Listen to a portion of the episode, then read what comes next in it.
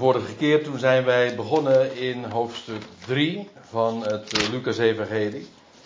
En slechts zes versen hebben wij toen besproken. En voordat we nou verder gaan met vers 7 lijkt het me een goed idee om eerst eventjes die zes versen die de, de vorige keer dus hebben besproken. Met elkaar nog even door te nemen en te lezen zonder uh, al te veel toelichtingen. Want ja, die hebben we inmiddels, uh, inmiddels besproken. In het vijftiende jaar nu van de regering van keizer Tiberius, toen Pontius Pilatus gouverneur was, of stadhouder van Judea, en Herodes Antipas, de meest bekende eigenlijk in het Nieuwe Testament, of in ieder geval degene die het uh, meest genoemd wordt. Herodes, viervorst van Galilea, en zijn broer Philippus, een viervorst over Iturea en van de landstreek Trachonitis. En Lysanias, viervorst van Abilene, onder de hoge priester Annas en Caiaphas. Toen kwam een uitspraak van God tot Johannes, de zoon van Zacharias, in de woestijn. Nou, die Zacharias, of ja, Zacharias ook, maar vooral de aankondiging van diens zoon Johannes ja, daar is het uh, Lucas Evangelie mee begonnen. Uitgebreid is dat verhaald. En hier komt hij opnieuw ter sprake. En uh, het is de vorige keer eigenlijk niet zozeer aan de orde geweest. Maar ik wil er nu eigenlijk nog even op wijzen hoe bijzonder eigenlijk het ook is. Nadat eerst uitgebreid zeg maar, de hele setting van de politieke situatie, maar ook godsdienstig was toen Johannes met zijn optreden begon, dat Johannes in de woestijn aangetroffen wordt en niet in Jeruzalem. Moet, u moet niet vergeten, hij was een zoon van een priester en inmiddels 30 jaar.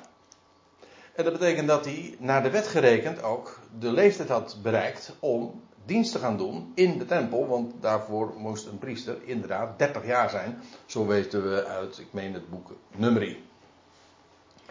En als Johannes hier dus, de zoon van de priester, vermeld wordt, zijn hij begint zijn optreden, dan is dat niet in Jeruzalem, maar juist in de woestijn, uh, ver daarbuiten.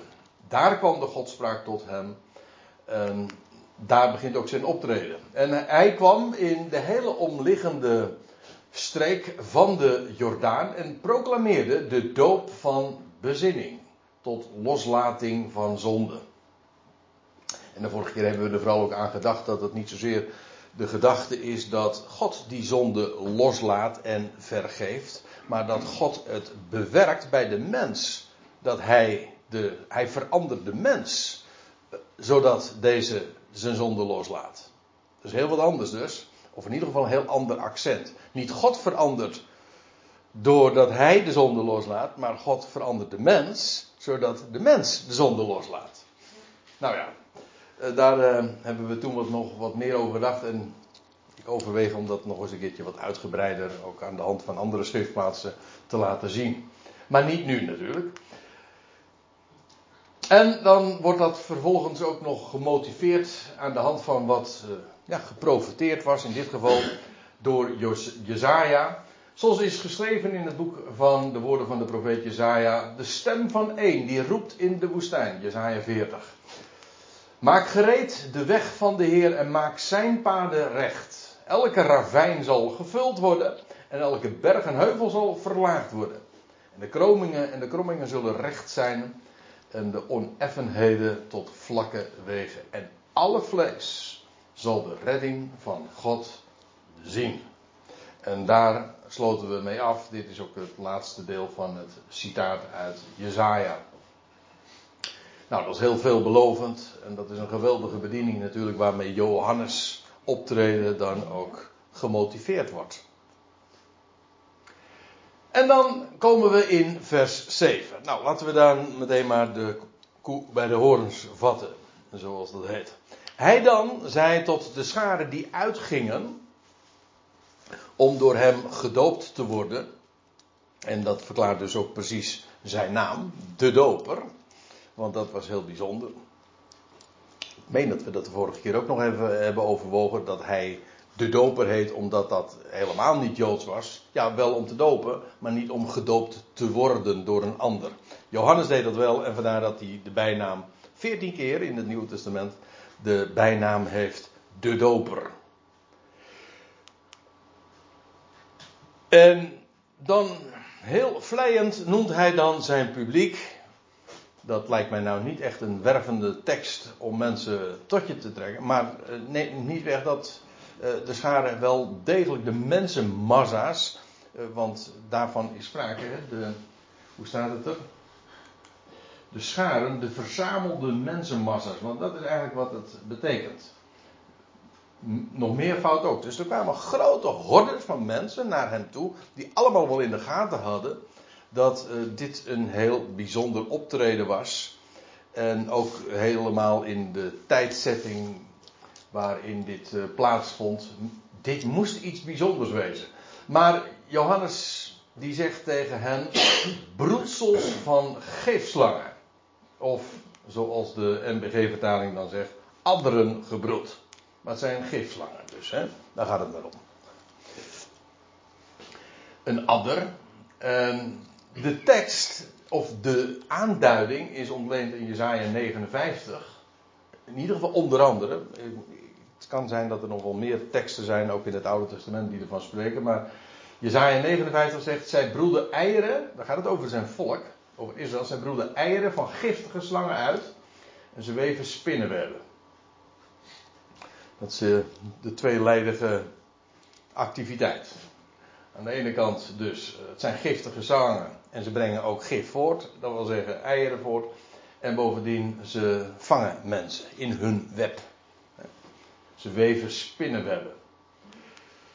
Maar ik moet er trouwens bij zeggen, dat blijkt hier niet in het Lucas-evangelie, maar als je dat elders leest, dat die aanduiding van adderengebroed of broedsels van gifslangen, dat dat vooral gericht is aan de godsdienstige elite. Niet zozeer aan de scharen in het algemeen, maar eh, aan de godsdienstige leiders. Die werden aangesproken en dat is eigenlijk niet alleen maar kenmerkend voor wat Johannes doet, maar wat later Jezus eveneens zou doen. Er staat namelijk in Matthäus 3, en ik lees nu even uit de NBG-vertaling. Toen liep Jeruzalem en heel Judea en de hele Jordaanstreek tot hem uit. Eigenaardig, ik zei het al even. Johannes uh, wordt geroepen daar in de woestijn, niet in de tempel van Jeruzalem. Maar eigenlijk, men ging dus eigenlijk uit, buiten de legerplaats om zo te zeggen, tot hem uit. En dan staat er, en ze lieten zich in de rivier, de Jordaan, door hem dopen om de beleidenis van hun zonde. Toen hij nu zag, en nou komt het. Toen hij nu zag, Johannes dus, dat vele van de fariseeën en Sadduceeën, nou dat zijn de twee grote godsdienstige richtingen, tot de doop kwamen, zei hij tot hen, en ik heb het expres eventjes met kapitaalletters en vet gedrukt neergezet, om aan te geven dat in het bijzonder zij worden aangesproken, en dan zegt hij tot hen, andere gebroed. Niet in de eerste plaats dus de schade, of eigenlijk helemaal niet. Het, het zijn de leiders die worden aangesproken, omdat zij het volk feitelijk misleiden en, ja, misleiden en met hun tradities feitelijk ook op een verkeerd spoor zetten en verblinden. En zij krijgen de aanduiding andere gebroed mee.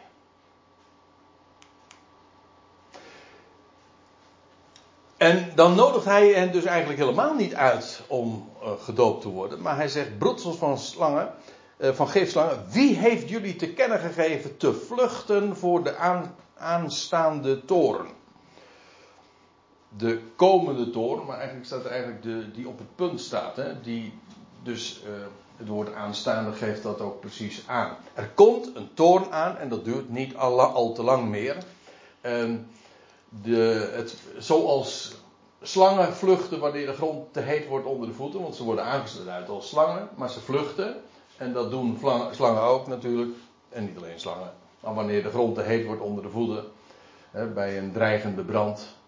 Uh, dat was hier aan de orde, maar uh, die aanstaande toren, ja, die is daadwerkelijk ook vervuld. Kijk, hij zou hoe dan ook komen. Men leefde in de, de verwachting, nu gaat het gebeuren, het Messiaanse Rijk zou in die dagen ook openbaar worden. Althans, dat was uh, ja, de verwachting en ook een optie, dat was ook de prediking. Dus als de dag van de Heer zou aanvangen, dan zou hij ook echt schoon schip maken en uh, reinigen. We zullen daar straks trouwens ook nog even op komen. Maar dit is weliswaar niet gebeurd, maar het neemt niet weg dat inderdaad een generatie later, 40 jaar later, dat uh, dit uh, van de Joodse staat en de hele stad Jeruzalem en de tempel in Kluis uh, helemaal niets is overgelaten. En een afschuwelijke, nou ja, ik mag wel zeggen, letterlijk ook, een brand heeft plaatsgevonden en ja, alles is weggevaagd. Allemaal inderdaad ook met name vanwege wat de leiders, zij zijn per slotverrekening verantwoordelijk voor het volk, hebben gedaan. Dat is inderdaad 40 jaar later gebeurd. Ik heb trouwens uh, onlangs nog weer een artikel gelezen. En ik, heb, ik vermeld zijn naam ook wel eens een keer wat minder aardig misschien, maar eerlijk is eerlijk. Ik las een artikel van Ouweneel over, uh, over de, de Talmud. Hoe de, de Talmud uh, op een hele bijzondere wijze al heeft voorzegd. Eigenlijk, nou ja, laat ik het anders zeggen. De Talmud, u weet, dat zijn de Joodse, dat is de verzameling van Joodse geschriften en overleveringen.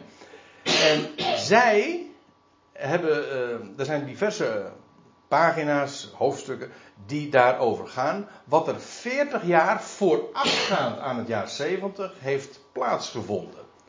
En gedurende een hele generatie zijn er, hebben er hele bijzondere dingen plaatsgevonden. Om er om één ding te noemen.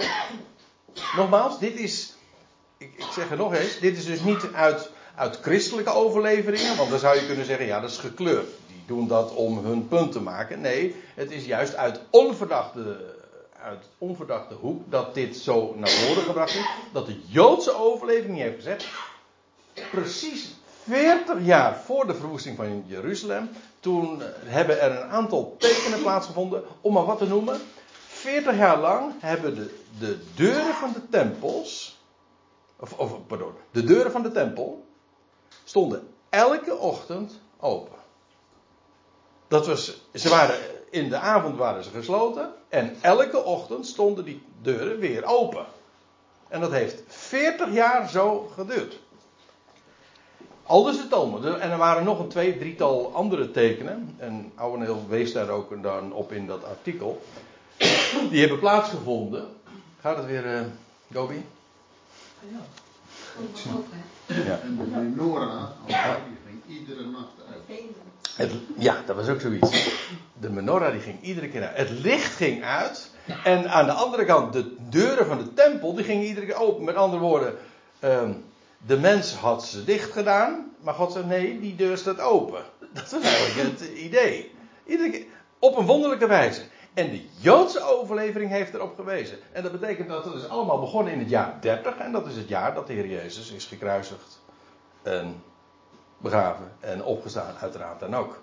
Allemaal precies in dat jaar. En de Joodse overlevering heeft op. Uh, ja, markeert het begin dus van het jaar. Zonder erop te wijzen dat het jaar 30 precies inderdaad ook het jaar is dat de Heer Jezus Christus is gekruisigd en opgestaan. Nou, dat is toch wel een hele onverdachte bevestiging. Dat even over de, de verwoesting van de tempel. Dat is een hele zijdelingse opmerking, maar kon het toch even niet nalaten.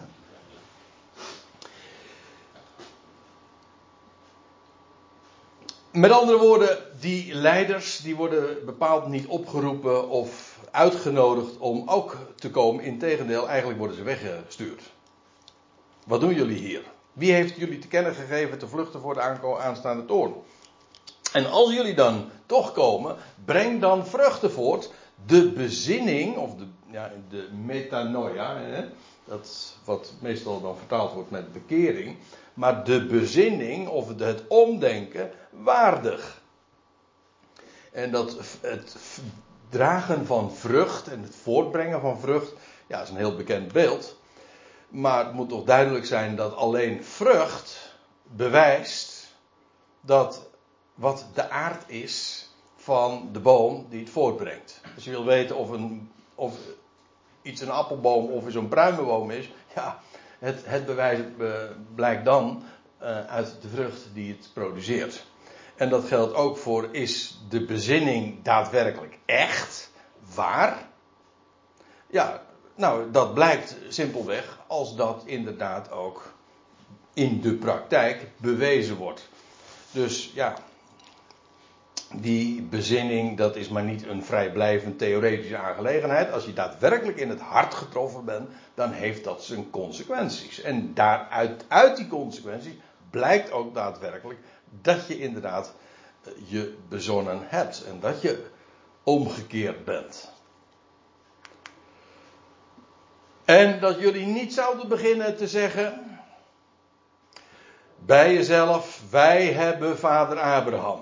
En dan gaat het natuurlijk niet over een artiest, hè? Dat, dat begrijpt u wel. Nee, wij hebben vader Abraham uh, alsof het hebben van die aartsvader, waar ze zich dus op beroemden, een garantie is dat jij dus ook uh, de, uh, op de goede weg bent. Met andere woorden, hier wordt gezegd van, begin daar nou niet over dat je vader Abraham hebt, want dat zegt helemaal niks. Trouwens, het komt mij erg bekend voor uh, om op die manier te praten. Wij hebben de kerk der vaderen. Hè? Ook zoiets. Of wij hebben de kerkvaders. Dat kan ook nog. En dan beroep je op, op, de, op je oorsprongen. En dan zeg je van die naam, een Augustinus, een Calvijn. Of nou ja, noem ze maar op. Waar je je dan op beroemt. Ja, maar dat zou dan moeten bewijzen dat je helemaal in, in het goede pad zit. En de Heer zegt van, nou begin daar nou niet over om dat te zeggen, om je daarop te beroemen.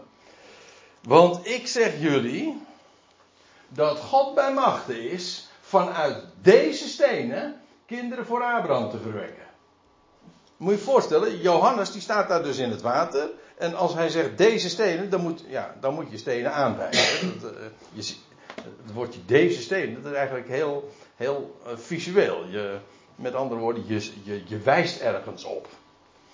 Hij haalt de stenen uit de, eh, de Jordaan en dan zegt uit deze stenen is God bij machten nageslacht of kinderen voor Abraham te verwekken. Maar nu moet ik op, op iets wijzen. Daar moest ik meteen aan denken. Toen ik eventjes doordacht over stenen uit de Jordaan. Johannes staat er dus gereed om te dopen. Dat is wat hij deed. En dan verwijst hij vervolgens uit op deze steden. Maar waar moet je dan aan denken? Joshua. Ik ook. Daar moest ik ook meteen aan denken. Aan Joshua, nadat Israël door de Jordaan was getrokken voor de eerste keer. Misschien ongeveer op dezelfde locatie als waar, de, waar Johannes dit gezegd heeft. Het zou me niks verbazen. Eigenlijk, eerlijk gezegd, terwijl ik, terwijl ik erover praat, denk ik van, dat moet wel daar geweest zijn. Misschien heeft hij wel gezegd, deze stenen, weet je wel. Die hebben al een hele lange uh, geschiedenis. Ja, want als, als, als Israël door de Jordaan getrokken is, nou laten we het gewoon eens lezen. Daar staat dit in Joshua 4, vers 19. Het volk nu is uit de Jordaan opgeklommen op de tiende van de eerste maand. Trouwens, zegt die datum je wat? Dit is de dag ook dat Israël een lammetje in huis moest nemen. Daar hebben we het al veel eerder over Ook de dag dus dat de Heer Jezus geboren werd.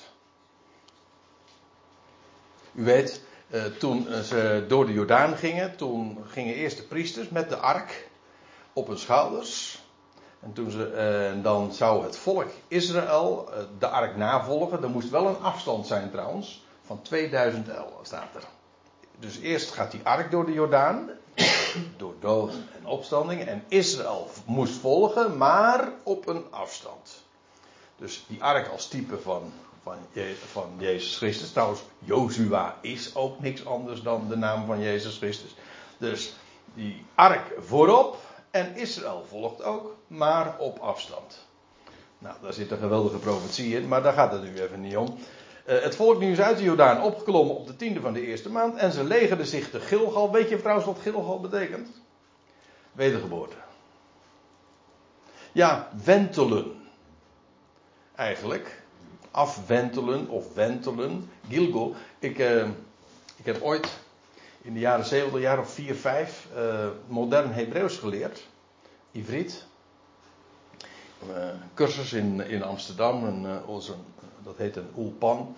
En ik had toen ook een, een Hebreeuwse, een Israëlische collega. En toen kreeg ik een woordenboek, een modern woordenboek. En toen kwam ik op het woordje Gilgal. Het, gewoon het Hebreeuwse woord, het, maar ook het moderne Hebreeuwse woord Gilgal. Dat is het woord voor uh, metamorfose, maar ook voor reïncarnatie. Uh, voor wedergeboorte in het algemeen, want het idee is gewoon uh, van, ja, u kent misschien wel de uitdrukking het rad der wedergeboorte. Hm? Dat wil zeggen, er, zo'n wiel draait om en komt weer in zijn oorspronkelijke positie. Dat is eigenlijk wedergeboorte. Maar, ik moet er wel bij zeggen, het is maar niet zomaar een, een uh, omdraaien. Want dan ben je eigenlijk weer in, gewoon op de oorspronkelijke, ben je gewoon weer terug bij af. Maar u weet toch dat als je een wiel omdraait en hij heeft een ronde gemaakt, dan ben je niet terug bij af. Dan, ben je dan is die wiel wel weer in de oorspronkelijke positie, maar hij is wel verder, hè? Toch? Dat is waar, waar, het, waar het juist om gaat bij, bij wielen. Of dat nou een auto of een fiets is, dat maakt niet uit, maar het gaat er juist om dat je verder komt. Als die een keertje omgedraaid, dan ben je wel verder. Kijk, hij is weer in de oorspronkelijke positie. Dat is eigenlijk ook wat de wedergeboorte is. Je wordt opnieuw geboren, maar je bent wel verder. Maar dat woord Gilgal, dat is dus inderdaad wentelen, een rad. Maar het idee daarvan is. Um, en daar wees die collega mij toen trouwens ook op. Uh, dat Gilgal gewoon het woord voor wedergeboorte is. Dus ze komen uit de Jordaan en zij door de Jordaan en daar, daar werden ze trouwens ook besneden bij Gilgal. Daar werd de smaad van, van Egypte afgewendeld. Dat was aan de oostelijke grens van Jericho. Die twaalf stenen, welke men uit de Jordaan genomen had, richtte Jozua te Gilgal op. Nou, hoeveel zegt het allemaal, zeg? Hij zet ze overeind, die stenen die lagen daar dus, maar die stenen worden uit de Jordaan genomen en die worden gewoon overeind gezet. Ze worden eigenlijk tot een opgericht teken gemaakt. Hij doet die stenen opstaan. Nou, dan heb je weer, op, heb je weer uh, nieuw leven. Trouwens, uh, een, een opgericht teken, een steen die staat, dat is uh, wat je ziet bij een begraafplaats. Allemaal van die opgerichte stenen. Allemaal getuigenissen van nieuw leven. Of de meeste mensen zich dat realiseren, dat denk ik niet. Maar het is wel wat het is. Nou, en dan staat er, en hij zei tot de Israëlieten, wanneer uw kinderen, dus latere generaties, misschien wel pas later in de dagen van Johannes de Doper, ik, ik, noem, ik noem maar wat, hè, later hun vaders vragen, wat betekenen deze stenen? Dan zult gij uw kinderen al dus inlichten op het droge, is Israël hier door de Jordaan getrokken. Omdat de Heere uw God de wateren van de Jordaan voor u heeft doen opdrogen, totdat gij erdoor getrokken waart, zoals de Heere uw God gedaan heeft met de Schelfzee al veel eerder. In die zin was het ook weer een herhaling. Hè? Toen gingen ze door het water en nu gingen ze weer door het water.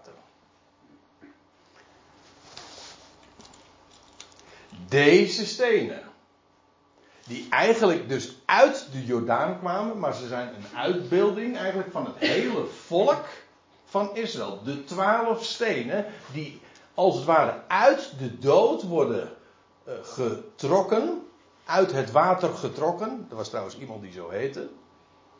Mozes. Hè? Uit het water. Dat was trouwens ook. Dat is dus ook uit de dood ontrokken.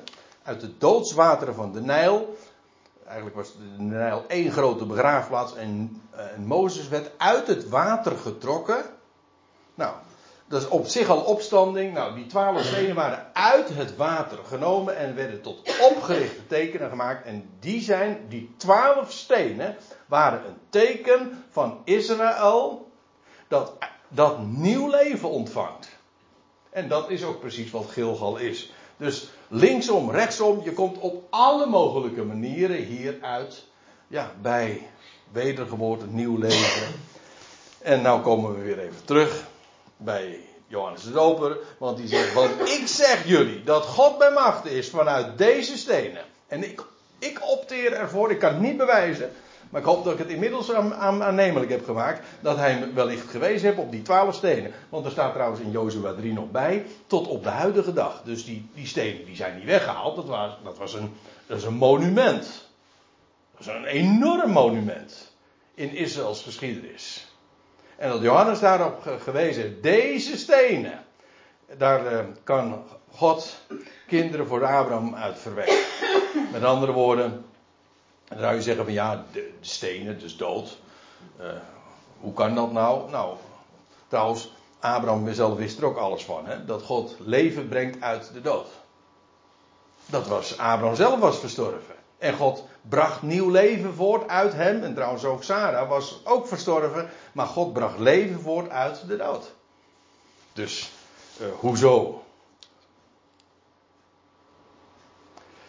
Dus er zit uh, nog heel wat in aan vast als, als Johannes dat zo zegt uh, van, vanuit deze steden. Want daar zit een heel verhaal aan vast dat weer terug verwijst naar Jozua. Waarvan akte zou ik zeggen. Laten we verder gaan. Ook ligt reeds de hakbijl aan de wortel van de bomen. En dat is een uitdrukking die, uh, die zelfs in Vandalen is terug te vinden. Want, en die is de uitdrukking die wij kennen, de, de bijl die aan de wortel der bomen ligt, die is rechtstreeks hier aan Johannes de Doper uh, ontleend. Het is een bijbelse uitdrukking, zoals trouwens vele, vele uitdrukkingen en spreekwoorden allemaal gewoon rechtstreeks of indirect uit de Bijbel komen. Maar deze, de, de uitdrukking de bijl die aan de wortel van de bomen ligt, uh, is hier ook aan ontleend. En die hakbijl die aan de wortel ligt, ja, dat is die aanstaande toren waar, uh, waar Johannes zojuist over sprak. En elke boom dan die geen goede vrucht voortbrengt, die wordt omgehakt. Gewoon zonder pardon. Dus Johannes, ik mag wel zeggen, die heeft daar toch voor dat volk dat daar stond en dat, dat heel, ja, hoe lazen we dat in Matthäus 3? Heel de, uh, Jeruzalem en al de omliggende streken gingen allemaal naar hem uit. Dus we praten echt over enorme mensenmassa's. En Johannes confronteert ze met deze uitspraken. En elke boom die geen goede vrucht voortbrengt, wordt omgehakt en in het vuur geworpen. Alsjeblieft. Trouwens, dit komt later weer terug. Deze gedachte, eh, het concept van, of als thema. Ik neem u even mee naar Lucas 13. Op een veel later tijdstip komen we daar nog eens een keer wellicht op uh, terug, als we eenmaal daar zijn. Dan hebben we nog tien hoofdstukken te gaan. Maar dan staat er in Lucas 13 dit. Deze is met me mee. Hij sprak een gelijkenis. En nu hebben we het niet over Johannes de Doper, maar over de Heer Jezus. De Heer Jezus sprak een gelijkenis. Deze gelijkenis. Iemand bezat een vijgenboom die in zijn wijngaard was geplant. Dat is eigenaardig, want in een wijngaard plant je een wijnstok. Hè? Toch? En geen vijgenboom. Maar beide moet ik erbij zeggen, zowel een wijnstok. Ja, de ware wijnstok, dat weet ik, dat is de Heer Jezus Christus zelf. Maar neemt niet weg een wijnstok en een wijngaard. En ook een vijgenboom. Trouwens ook een olijfboom. Zijn allemaal typen. Vooral van het nationale bestaan van Israël. En bijvoorbeeld de vijgenboom die uitbot. Is een uitbeelding van het nationaal ontwaken van Israël. Afijn, iemand bezat een vijgenboom die in zijn wijngaard was geplant. En ik kwam om vrucht daaraan te zoeken en hij vond er geen dat je, vrucht, dat je komt om vrucht daaraan te zoeken, vind ik niet zo gek. Want dat doet iedereen elke week. Toch? Ja. Want dat doe je als een boomkweker anders dan vrucht zoeken aan, je, aan de boom. Maar hij vond er geen. En hij, hij zei tot de wijngaardenier. Zie, het is nu al drie jaar dat ik vrucht aan deze wijnboom kom zoeken. En ik vind ze niet. Hak hem om. Waarom zou hij de grond nutteloos beslaan? Ja, ik bedoel, uh, je laat geen bomen staan die helemaal niks produceren. Dan zeg je gewoon hakken om en weg ermee. Dit is trouwens ook heel opmerkelijk. Want dit is, slaat op de bediening van de Heer. Dit is trouwens een heel expliciet. Dit is inmiddels. De Heer Jezus heeft 3,5 jaar in totaal gearbeid onder zijn volk. Inmiddels al drie jaar. En hij heeft gezocht naar vrucht. Trouwens, je, later lees je, nog weer een, een, paar maanden later, dan lees je dat de Heer Jezus, dat is vlak voor zijn sterven, voordat hij overgeleverd wordt, dat hij ook uh, een vijgen, bij een vijgenboom kwam. En hij zocht vrucht. En, hij en dan staat er, was, hij was vol met blad, maar nog geen vrucht. Dat wil zeggen, veel schijn, veel geschreeuw zeggen we dan, weinig vol. Nou, in dit geval veel blad, maar geen vijgen. En dan staat er, hij, hij zegt, hij vervloekte de boom. Hij zegt, er groeien tot aan u geen vrucht. Hoe staat het dan? Tot in eeuwigheid.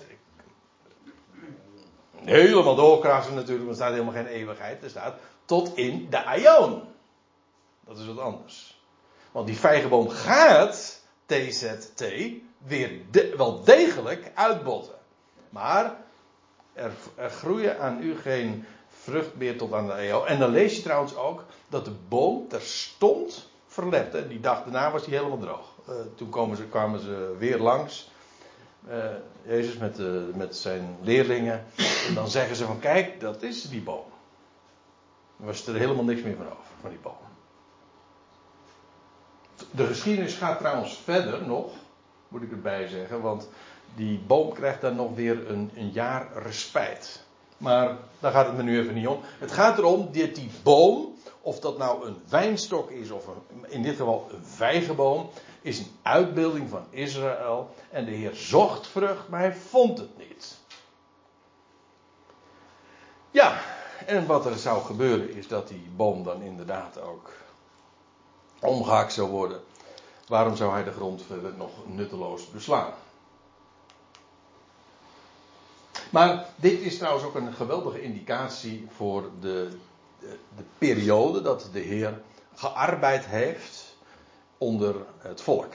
Namelijk op dit moment dat hij dit zei, drie jaar. En er zou nog een paar maanden aan toegevoegd worden. Goed. We lezen verder. We gaan weer even terug naar Lucas 3. En de scharen vroegen hem. Die verzamelde mensenmassa's. Die vroegen hem een vraag en zeiden. Wat zouden we dan doen? Ja, er was gezegd van. Uh, vrucht de bezinning waardig.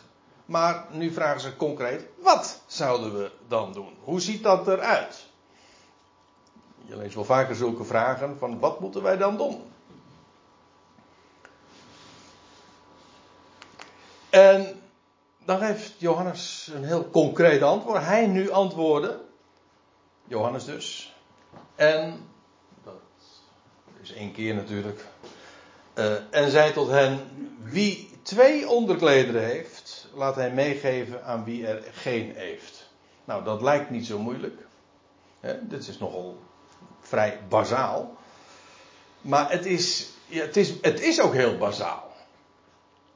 Um, het idee is meedelen aan de behoeftige naasten. Dit was trouwens ook gewoon al het, ABC van het onderwijs in Israël. In feite, er zal onder u, staat er, uh, geen armen zijn. Dat wil zeggen, de armen die zouden gewoon voorzien worden.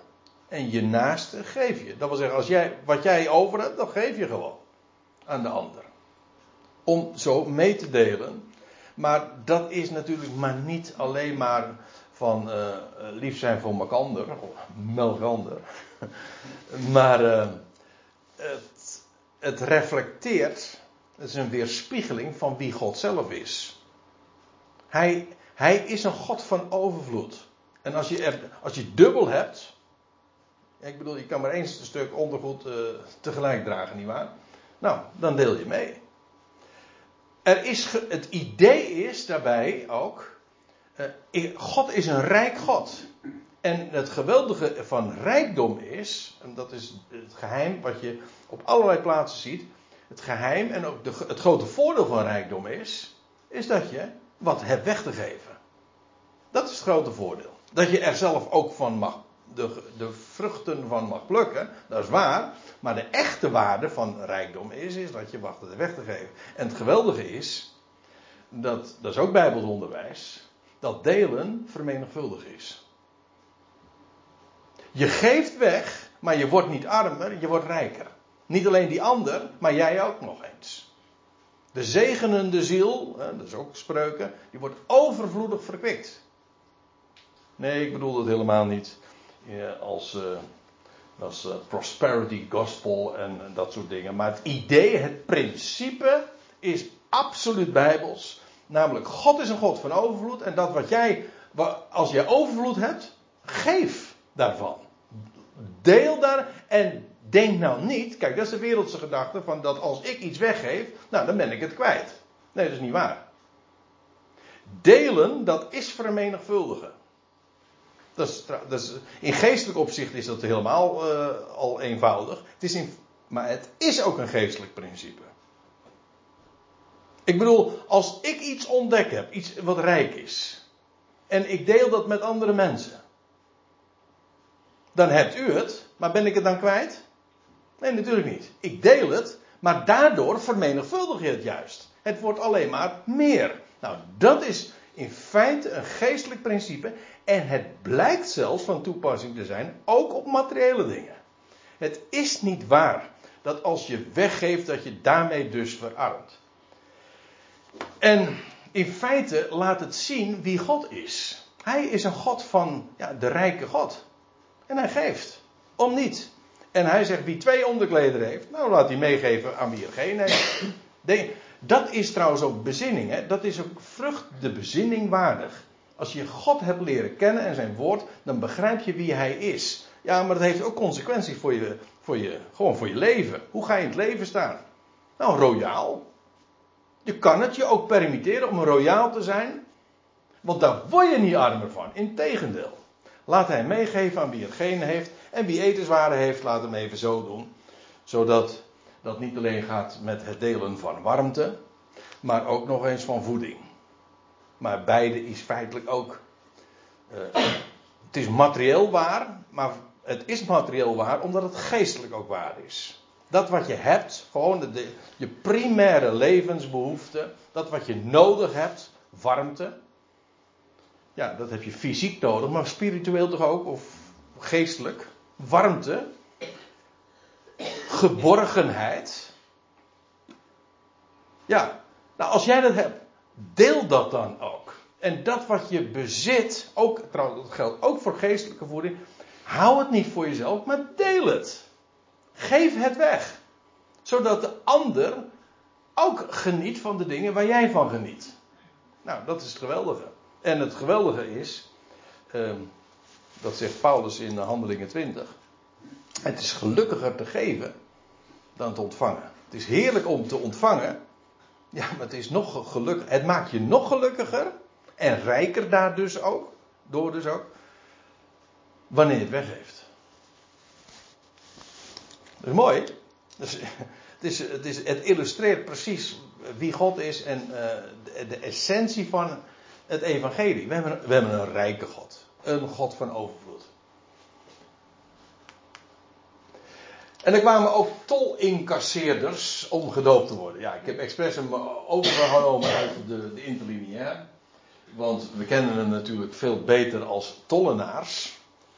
Maar het woordje tollenaar is in mijn uh, beleving een beetje versleten. In die zin dat we meteen denken dan aan per definitie slechte mensen. Maar het, is gewoon, het zijn in feite mensen die ja, tol, uh, indirecte belastingen, zoals dat netjes heet, in, innen. Het waren in dit geval, in dit geval kwamen er uh, tolincasseerders bij Johannes. En dat waren mensen die gerechtigd waren door de Romeinse overheerser. Daarom werden ze natuurlijk over het algemeen onder het Joodse volk niet erg gepruimd. Want ze hulden toch met de Romeinse overheerser. Het waren een soort van uh, eh, NSB'ers, zeg maar. Zo werd het beschouwd. Ik bedoel, het is nou bijna 4, 5 mei, dus uh, de, de beeldspraak uh, kan ik me nu wel permitteren. Maar dat, dat is een beetje het idee. En ze, En dat was in allerlei verband. Konden, waren zij gerechtigd, dus waren ze gevolmachtigd om, om belasting te innen. En, nou ja, ook zij kwamen dus. In dit geval gaat het gewoon dus om Joodse mensen, alleen ze werden niet erg gepruimd. Vandaar ook dat ze op één lijn vaak genoemd worden, in één adem genoemd worden met hoeren. Nou, dat is nou ook niet echt een beroep met, uh, met erg veel aanzien, zal ik maar zeggen.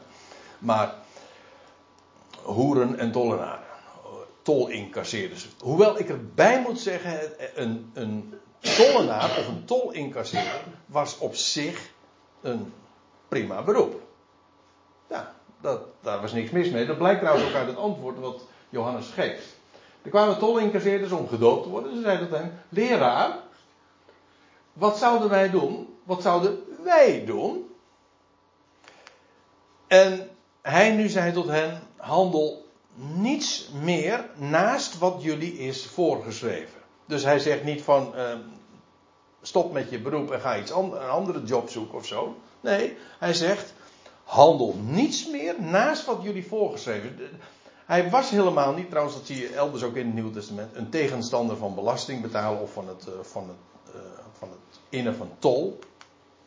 Daar was niets mis mee. Het gaat over dat die, die tolincasseerders uh, vaak veel meer vroegen dan dat zij eigenlijk hoefden te doen. Kijk, die, de Romeinen die moesten indirecte belastingen krijgen.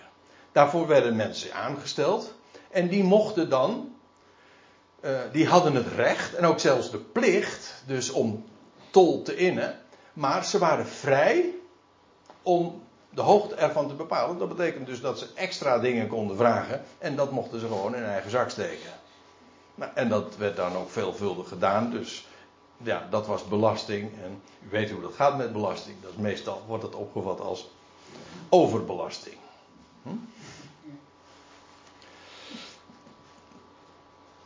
En daarom zegt Johannes ook: handel, handel niets meer naast wat jullie voorgeschreven is. Gewoon dat wat de Romeinen zeggen van dat, dat je moet innen. Geef de keizer wat des keizers is. Dat zou Jezus later ook onderwijzen. Geen punt. Geef ze gewoon wat hun toekomt. Paulus zou later ook in, zijn, in de brief aan de Romeinen zeggen van...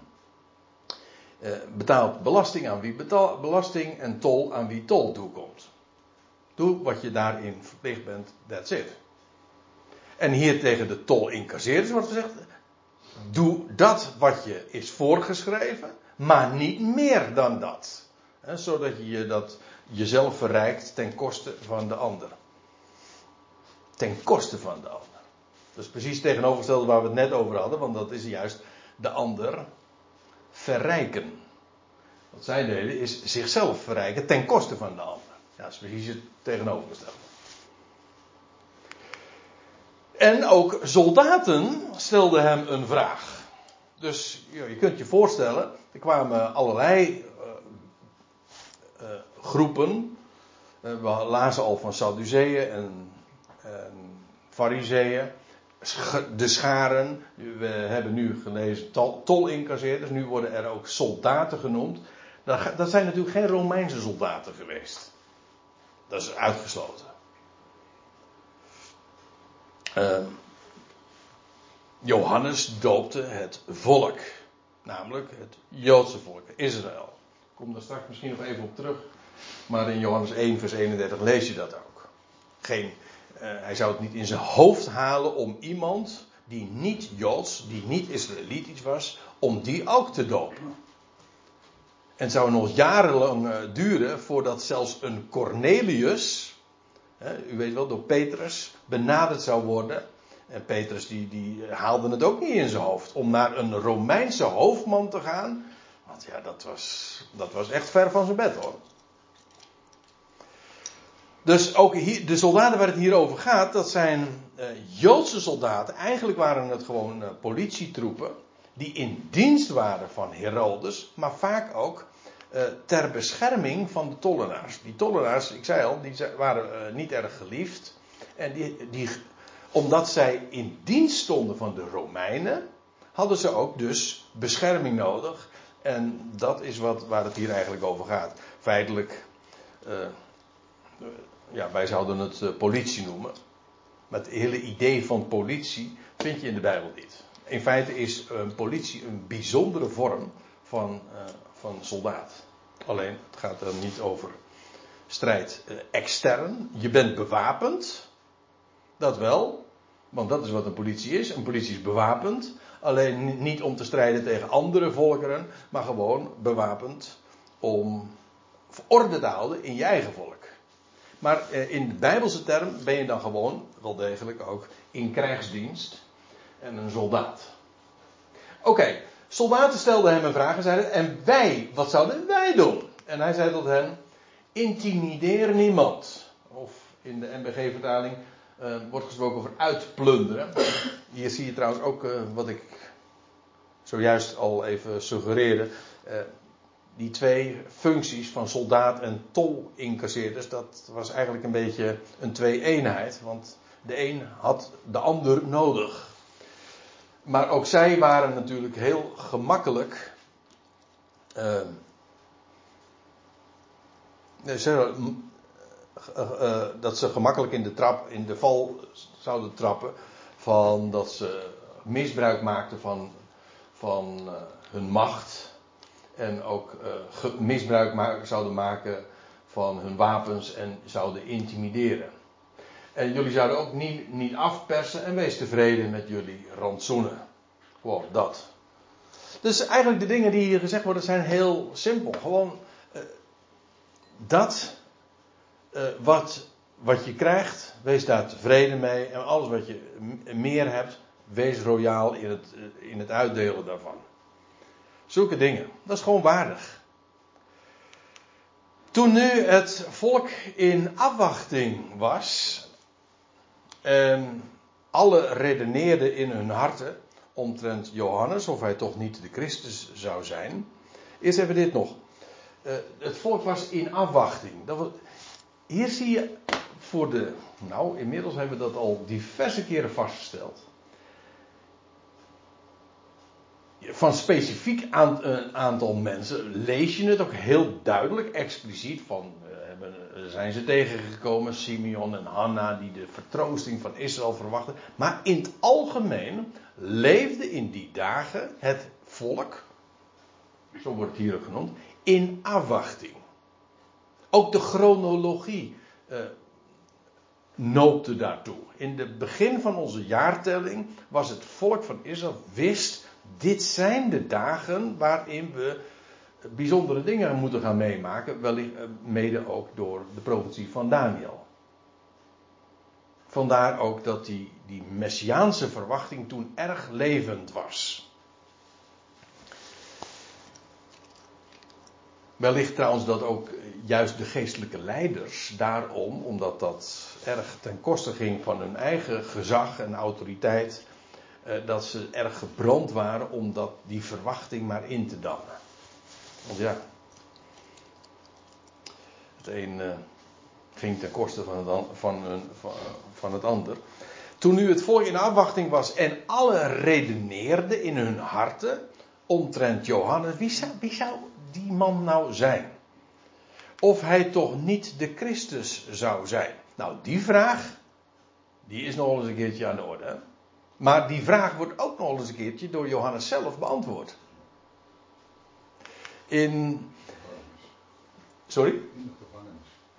Ja, in de gevangenis. Ja, maar dat, is, dat Johannes zelf ook de vraag gaat stellen. Is hij de Christus? Ja, ja maar dat is, dat is het vragen over, over eh, dat hij de vraag stelt: Bent u de Christus? Ja, maar goed, dat geeft dus wel aan dat hij zelf ook in verwarring was. Zelfs Johannes, ja. En als de vraag op hem afkomt, Johannes Evangelie begint er zelfs mee. Dan, ja, dat is trouwens heel uh, bijzonder, denk ik nu aan. In dit gedeelte, dan lees je dat Johannes daar aan het dopen is en dan komt er een delegatie vanuit Jeruzalem naar hem toe. En ze waren door de priesters, door de overpriesters gestuurd of daar was die delegatie doorgestuurd, om hem de vraag voor te leggen van wie hij nou beweert te zijn en of hij claimt de Messias te wezen. Dat was de vraag die die delegatie eh, dus eh, aan hem voorlegde. Nou, en dan is Johannes, nee, ik ben het niet. Hij is er heel duidelijk ook in. En later in Johannes 3, vers 28 eh, vind je dat weer. Met name in Johannes Evangelie wordt het heel sterk ook benadrukt. In ieder geval, het volk leefde ook in die verwachting. Zou hij het dan zijn? En Johannes is, uh, ja, onmiskenbaar en zeer helder in het antwoord. Johannes antwoordde hen alle, onmiskenbaar, ik inderdaad doop jullie in water. Hm, eigenaardig trouwens dat de, de, eh, de gewone de gebruikelijke vertalingen eh, spreken van met water. Maar het is echt in water. Je, wordt gedoopt in het water. Ook, vanwege dat beeld trouwens weer van ondergaan in het, het water en daaruit opkomen. Enfin, ik doop jullie in water. Maar hij die komt. Let trouwens op. Hij die komt. Dat is een tegenwoordige tijd. Anders gezegd, als je het eventjes. Als, je, als je dat dus eigenlijk uitbeeldt, dan krijg je dus de gedachte. Hij die, hij die bezig is te komen. Hij die eraan komt. Tegenwoordige tijd. Maar hij die komt. Die sterker is dan ik. En nou, nou, nou komt het uh, helemaal een, een een hele groot contrast. Van wie ik niet, van wie ik niet toereikend ben, niet waardig, zegt de MBG-vertaling. Dus ik heb niet genoeg. Ik ben niet toereikend de riem van zijn zondalen los te maken. Nou, dat is wat.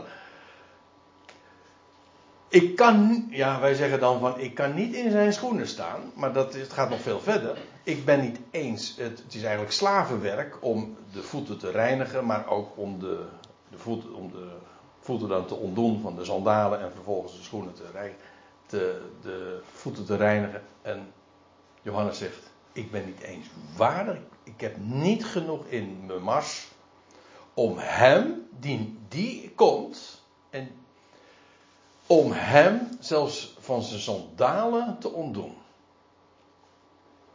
Want, hoezo? Die zal jullie dopen in Heilige Geest en in vuur. Dus wat ik doe is eigenlijk alleen maar een type, een uitbeelding van wat hij echt gaat doen. Dat doop in water is een ritueel, maar de echte doop is niet een doop in water, maar dat is een doop in Heilige Geest. En ik vind dat altijd wel weer grappig om daar aan te denken. Want hoe dat hele, die misvatting ook zo weer binnen de christelijke theologie is uh, terechtgekomen. Want dan heeft men het over de christelijke doop. En wie, wat verstaan we onder de christelijke doop? Gewoon, vraag aan iemand, wat is de christelijke doop? Iedereen zegt, nou gewoon, dat is de waterdoop. Terwijl Johannes zegt van, nee, ik doop jullie in water. Maar hij die eraan staat te komen, die doopt niet in water. Trouwens, de Heer Jezus heeft ook nooit gedoopt in water. Dat deed hij zelf niet. Maar, die, die doopt ook, maar niet in water, maar de echte doop. Dus de christelijke doop is per se, volgens Johannes, nou, als er toch één over, iets mag zeggen over dopen, dan mag Johannes het toch wel doen, hè? Die per slotverrekening niet voor niks de doper heette. Dus als je wil weten wat de doop is, dan moet je bij Johannes wezen. Nou, Johannes zegt: Ik doop jullie in water. Ja, maar dat is niet echt de doop natuurlijk. Dat is alleen maar een beeld van de echte doop, namelijk de doop in Heilige Geest, zoals aangekondigd door de profeten. Want ja, ik, ga, ik neem nu vandaag uh, niet de moeite om naar zulke schriftplaatsen te gaan. Er zijn er trouwens nog meer. Maar dat God zijn volk, sterker nog alle vlees, zou dopen en met en in Heilige Geest. Dat is het meest karakteristieke van wat de Messias zou doen. Ook weer in allerlei uh, lagen trouwens, want geest is leven. Hij zou de Messias, wat geeft de Messias? Hij geeft geest. En daarmee ook leven. Maar dat kon hij pas doen nadat hij uit het water, uit de doodswateren, uit het graf was verrezen. Toen kon hij geest geven. Nou, dat heeft hij ook gedaan. Na zijn opstanding heeft hij het volk daar in Jeruzalem gedoopt in geest. Dat was trouwens ook nog een type van wat er straks echt massaal en voor het hele volk gaat gebeuren. Bijzonder is aan dat later bij Paulus de mannen komen die door hem gedoopt zijn.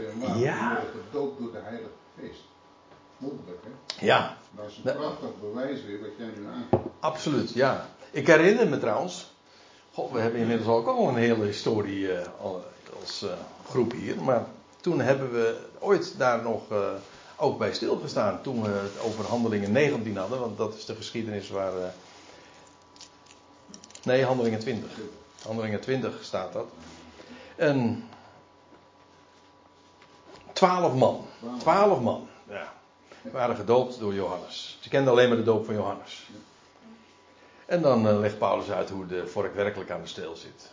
Maar dit is toch wel een heel bijzondere aangelegenheid. En ik wil er nog even op wijzen, voordat we nou gaan pauzeren. Ik wil er nog even op wijzen.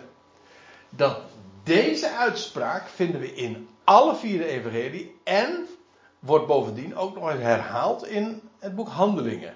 Twee keer zelfs. Dus zes of zeven keer, daar blijven we vanaf wordt deze uitspraak van Johannes benadrukt, namelijk van ik doop je in water, maar hij die na mij komt, die doopt niet in water, maar dat is de echte doop. Dat is de doop in Heilige Geest en dat gaat hij doen.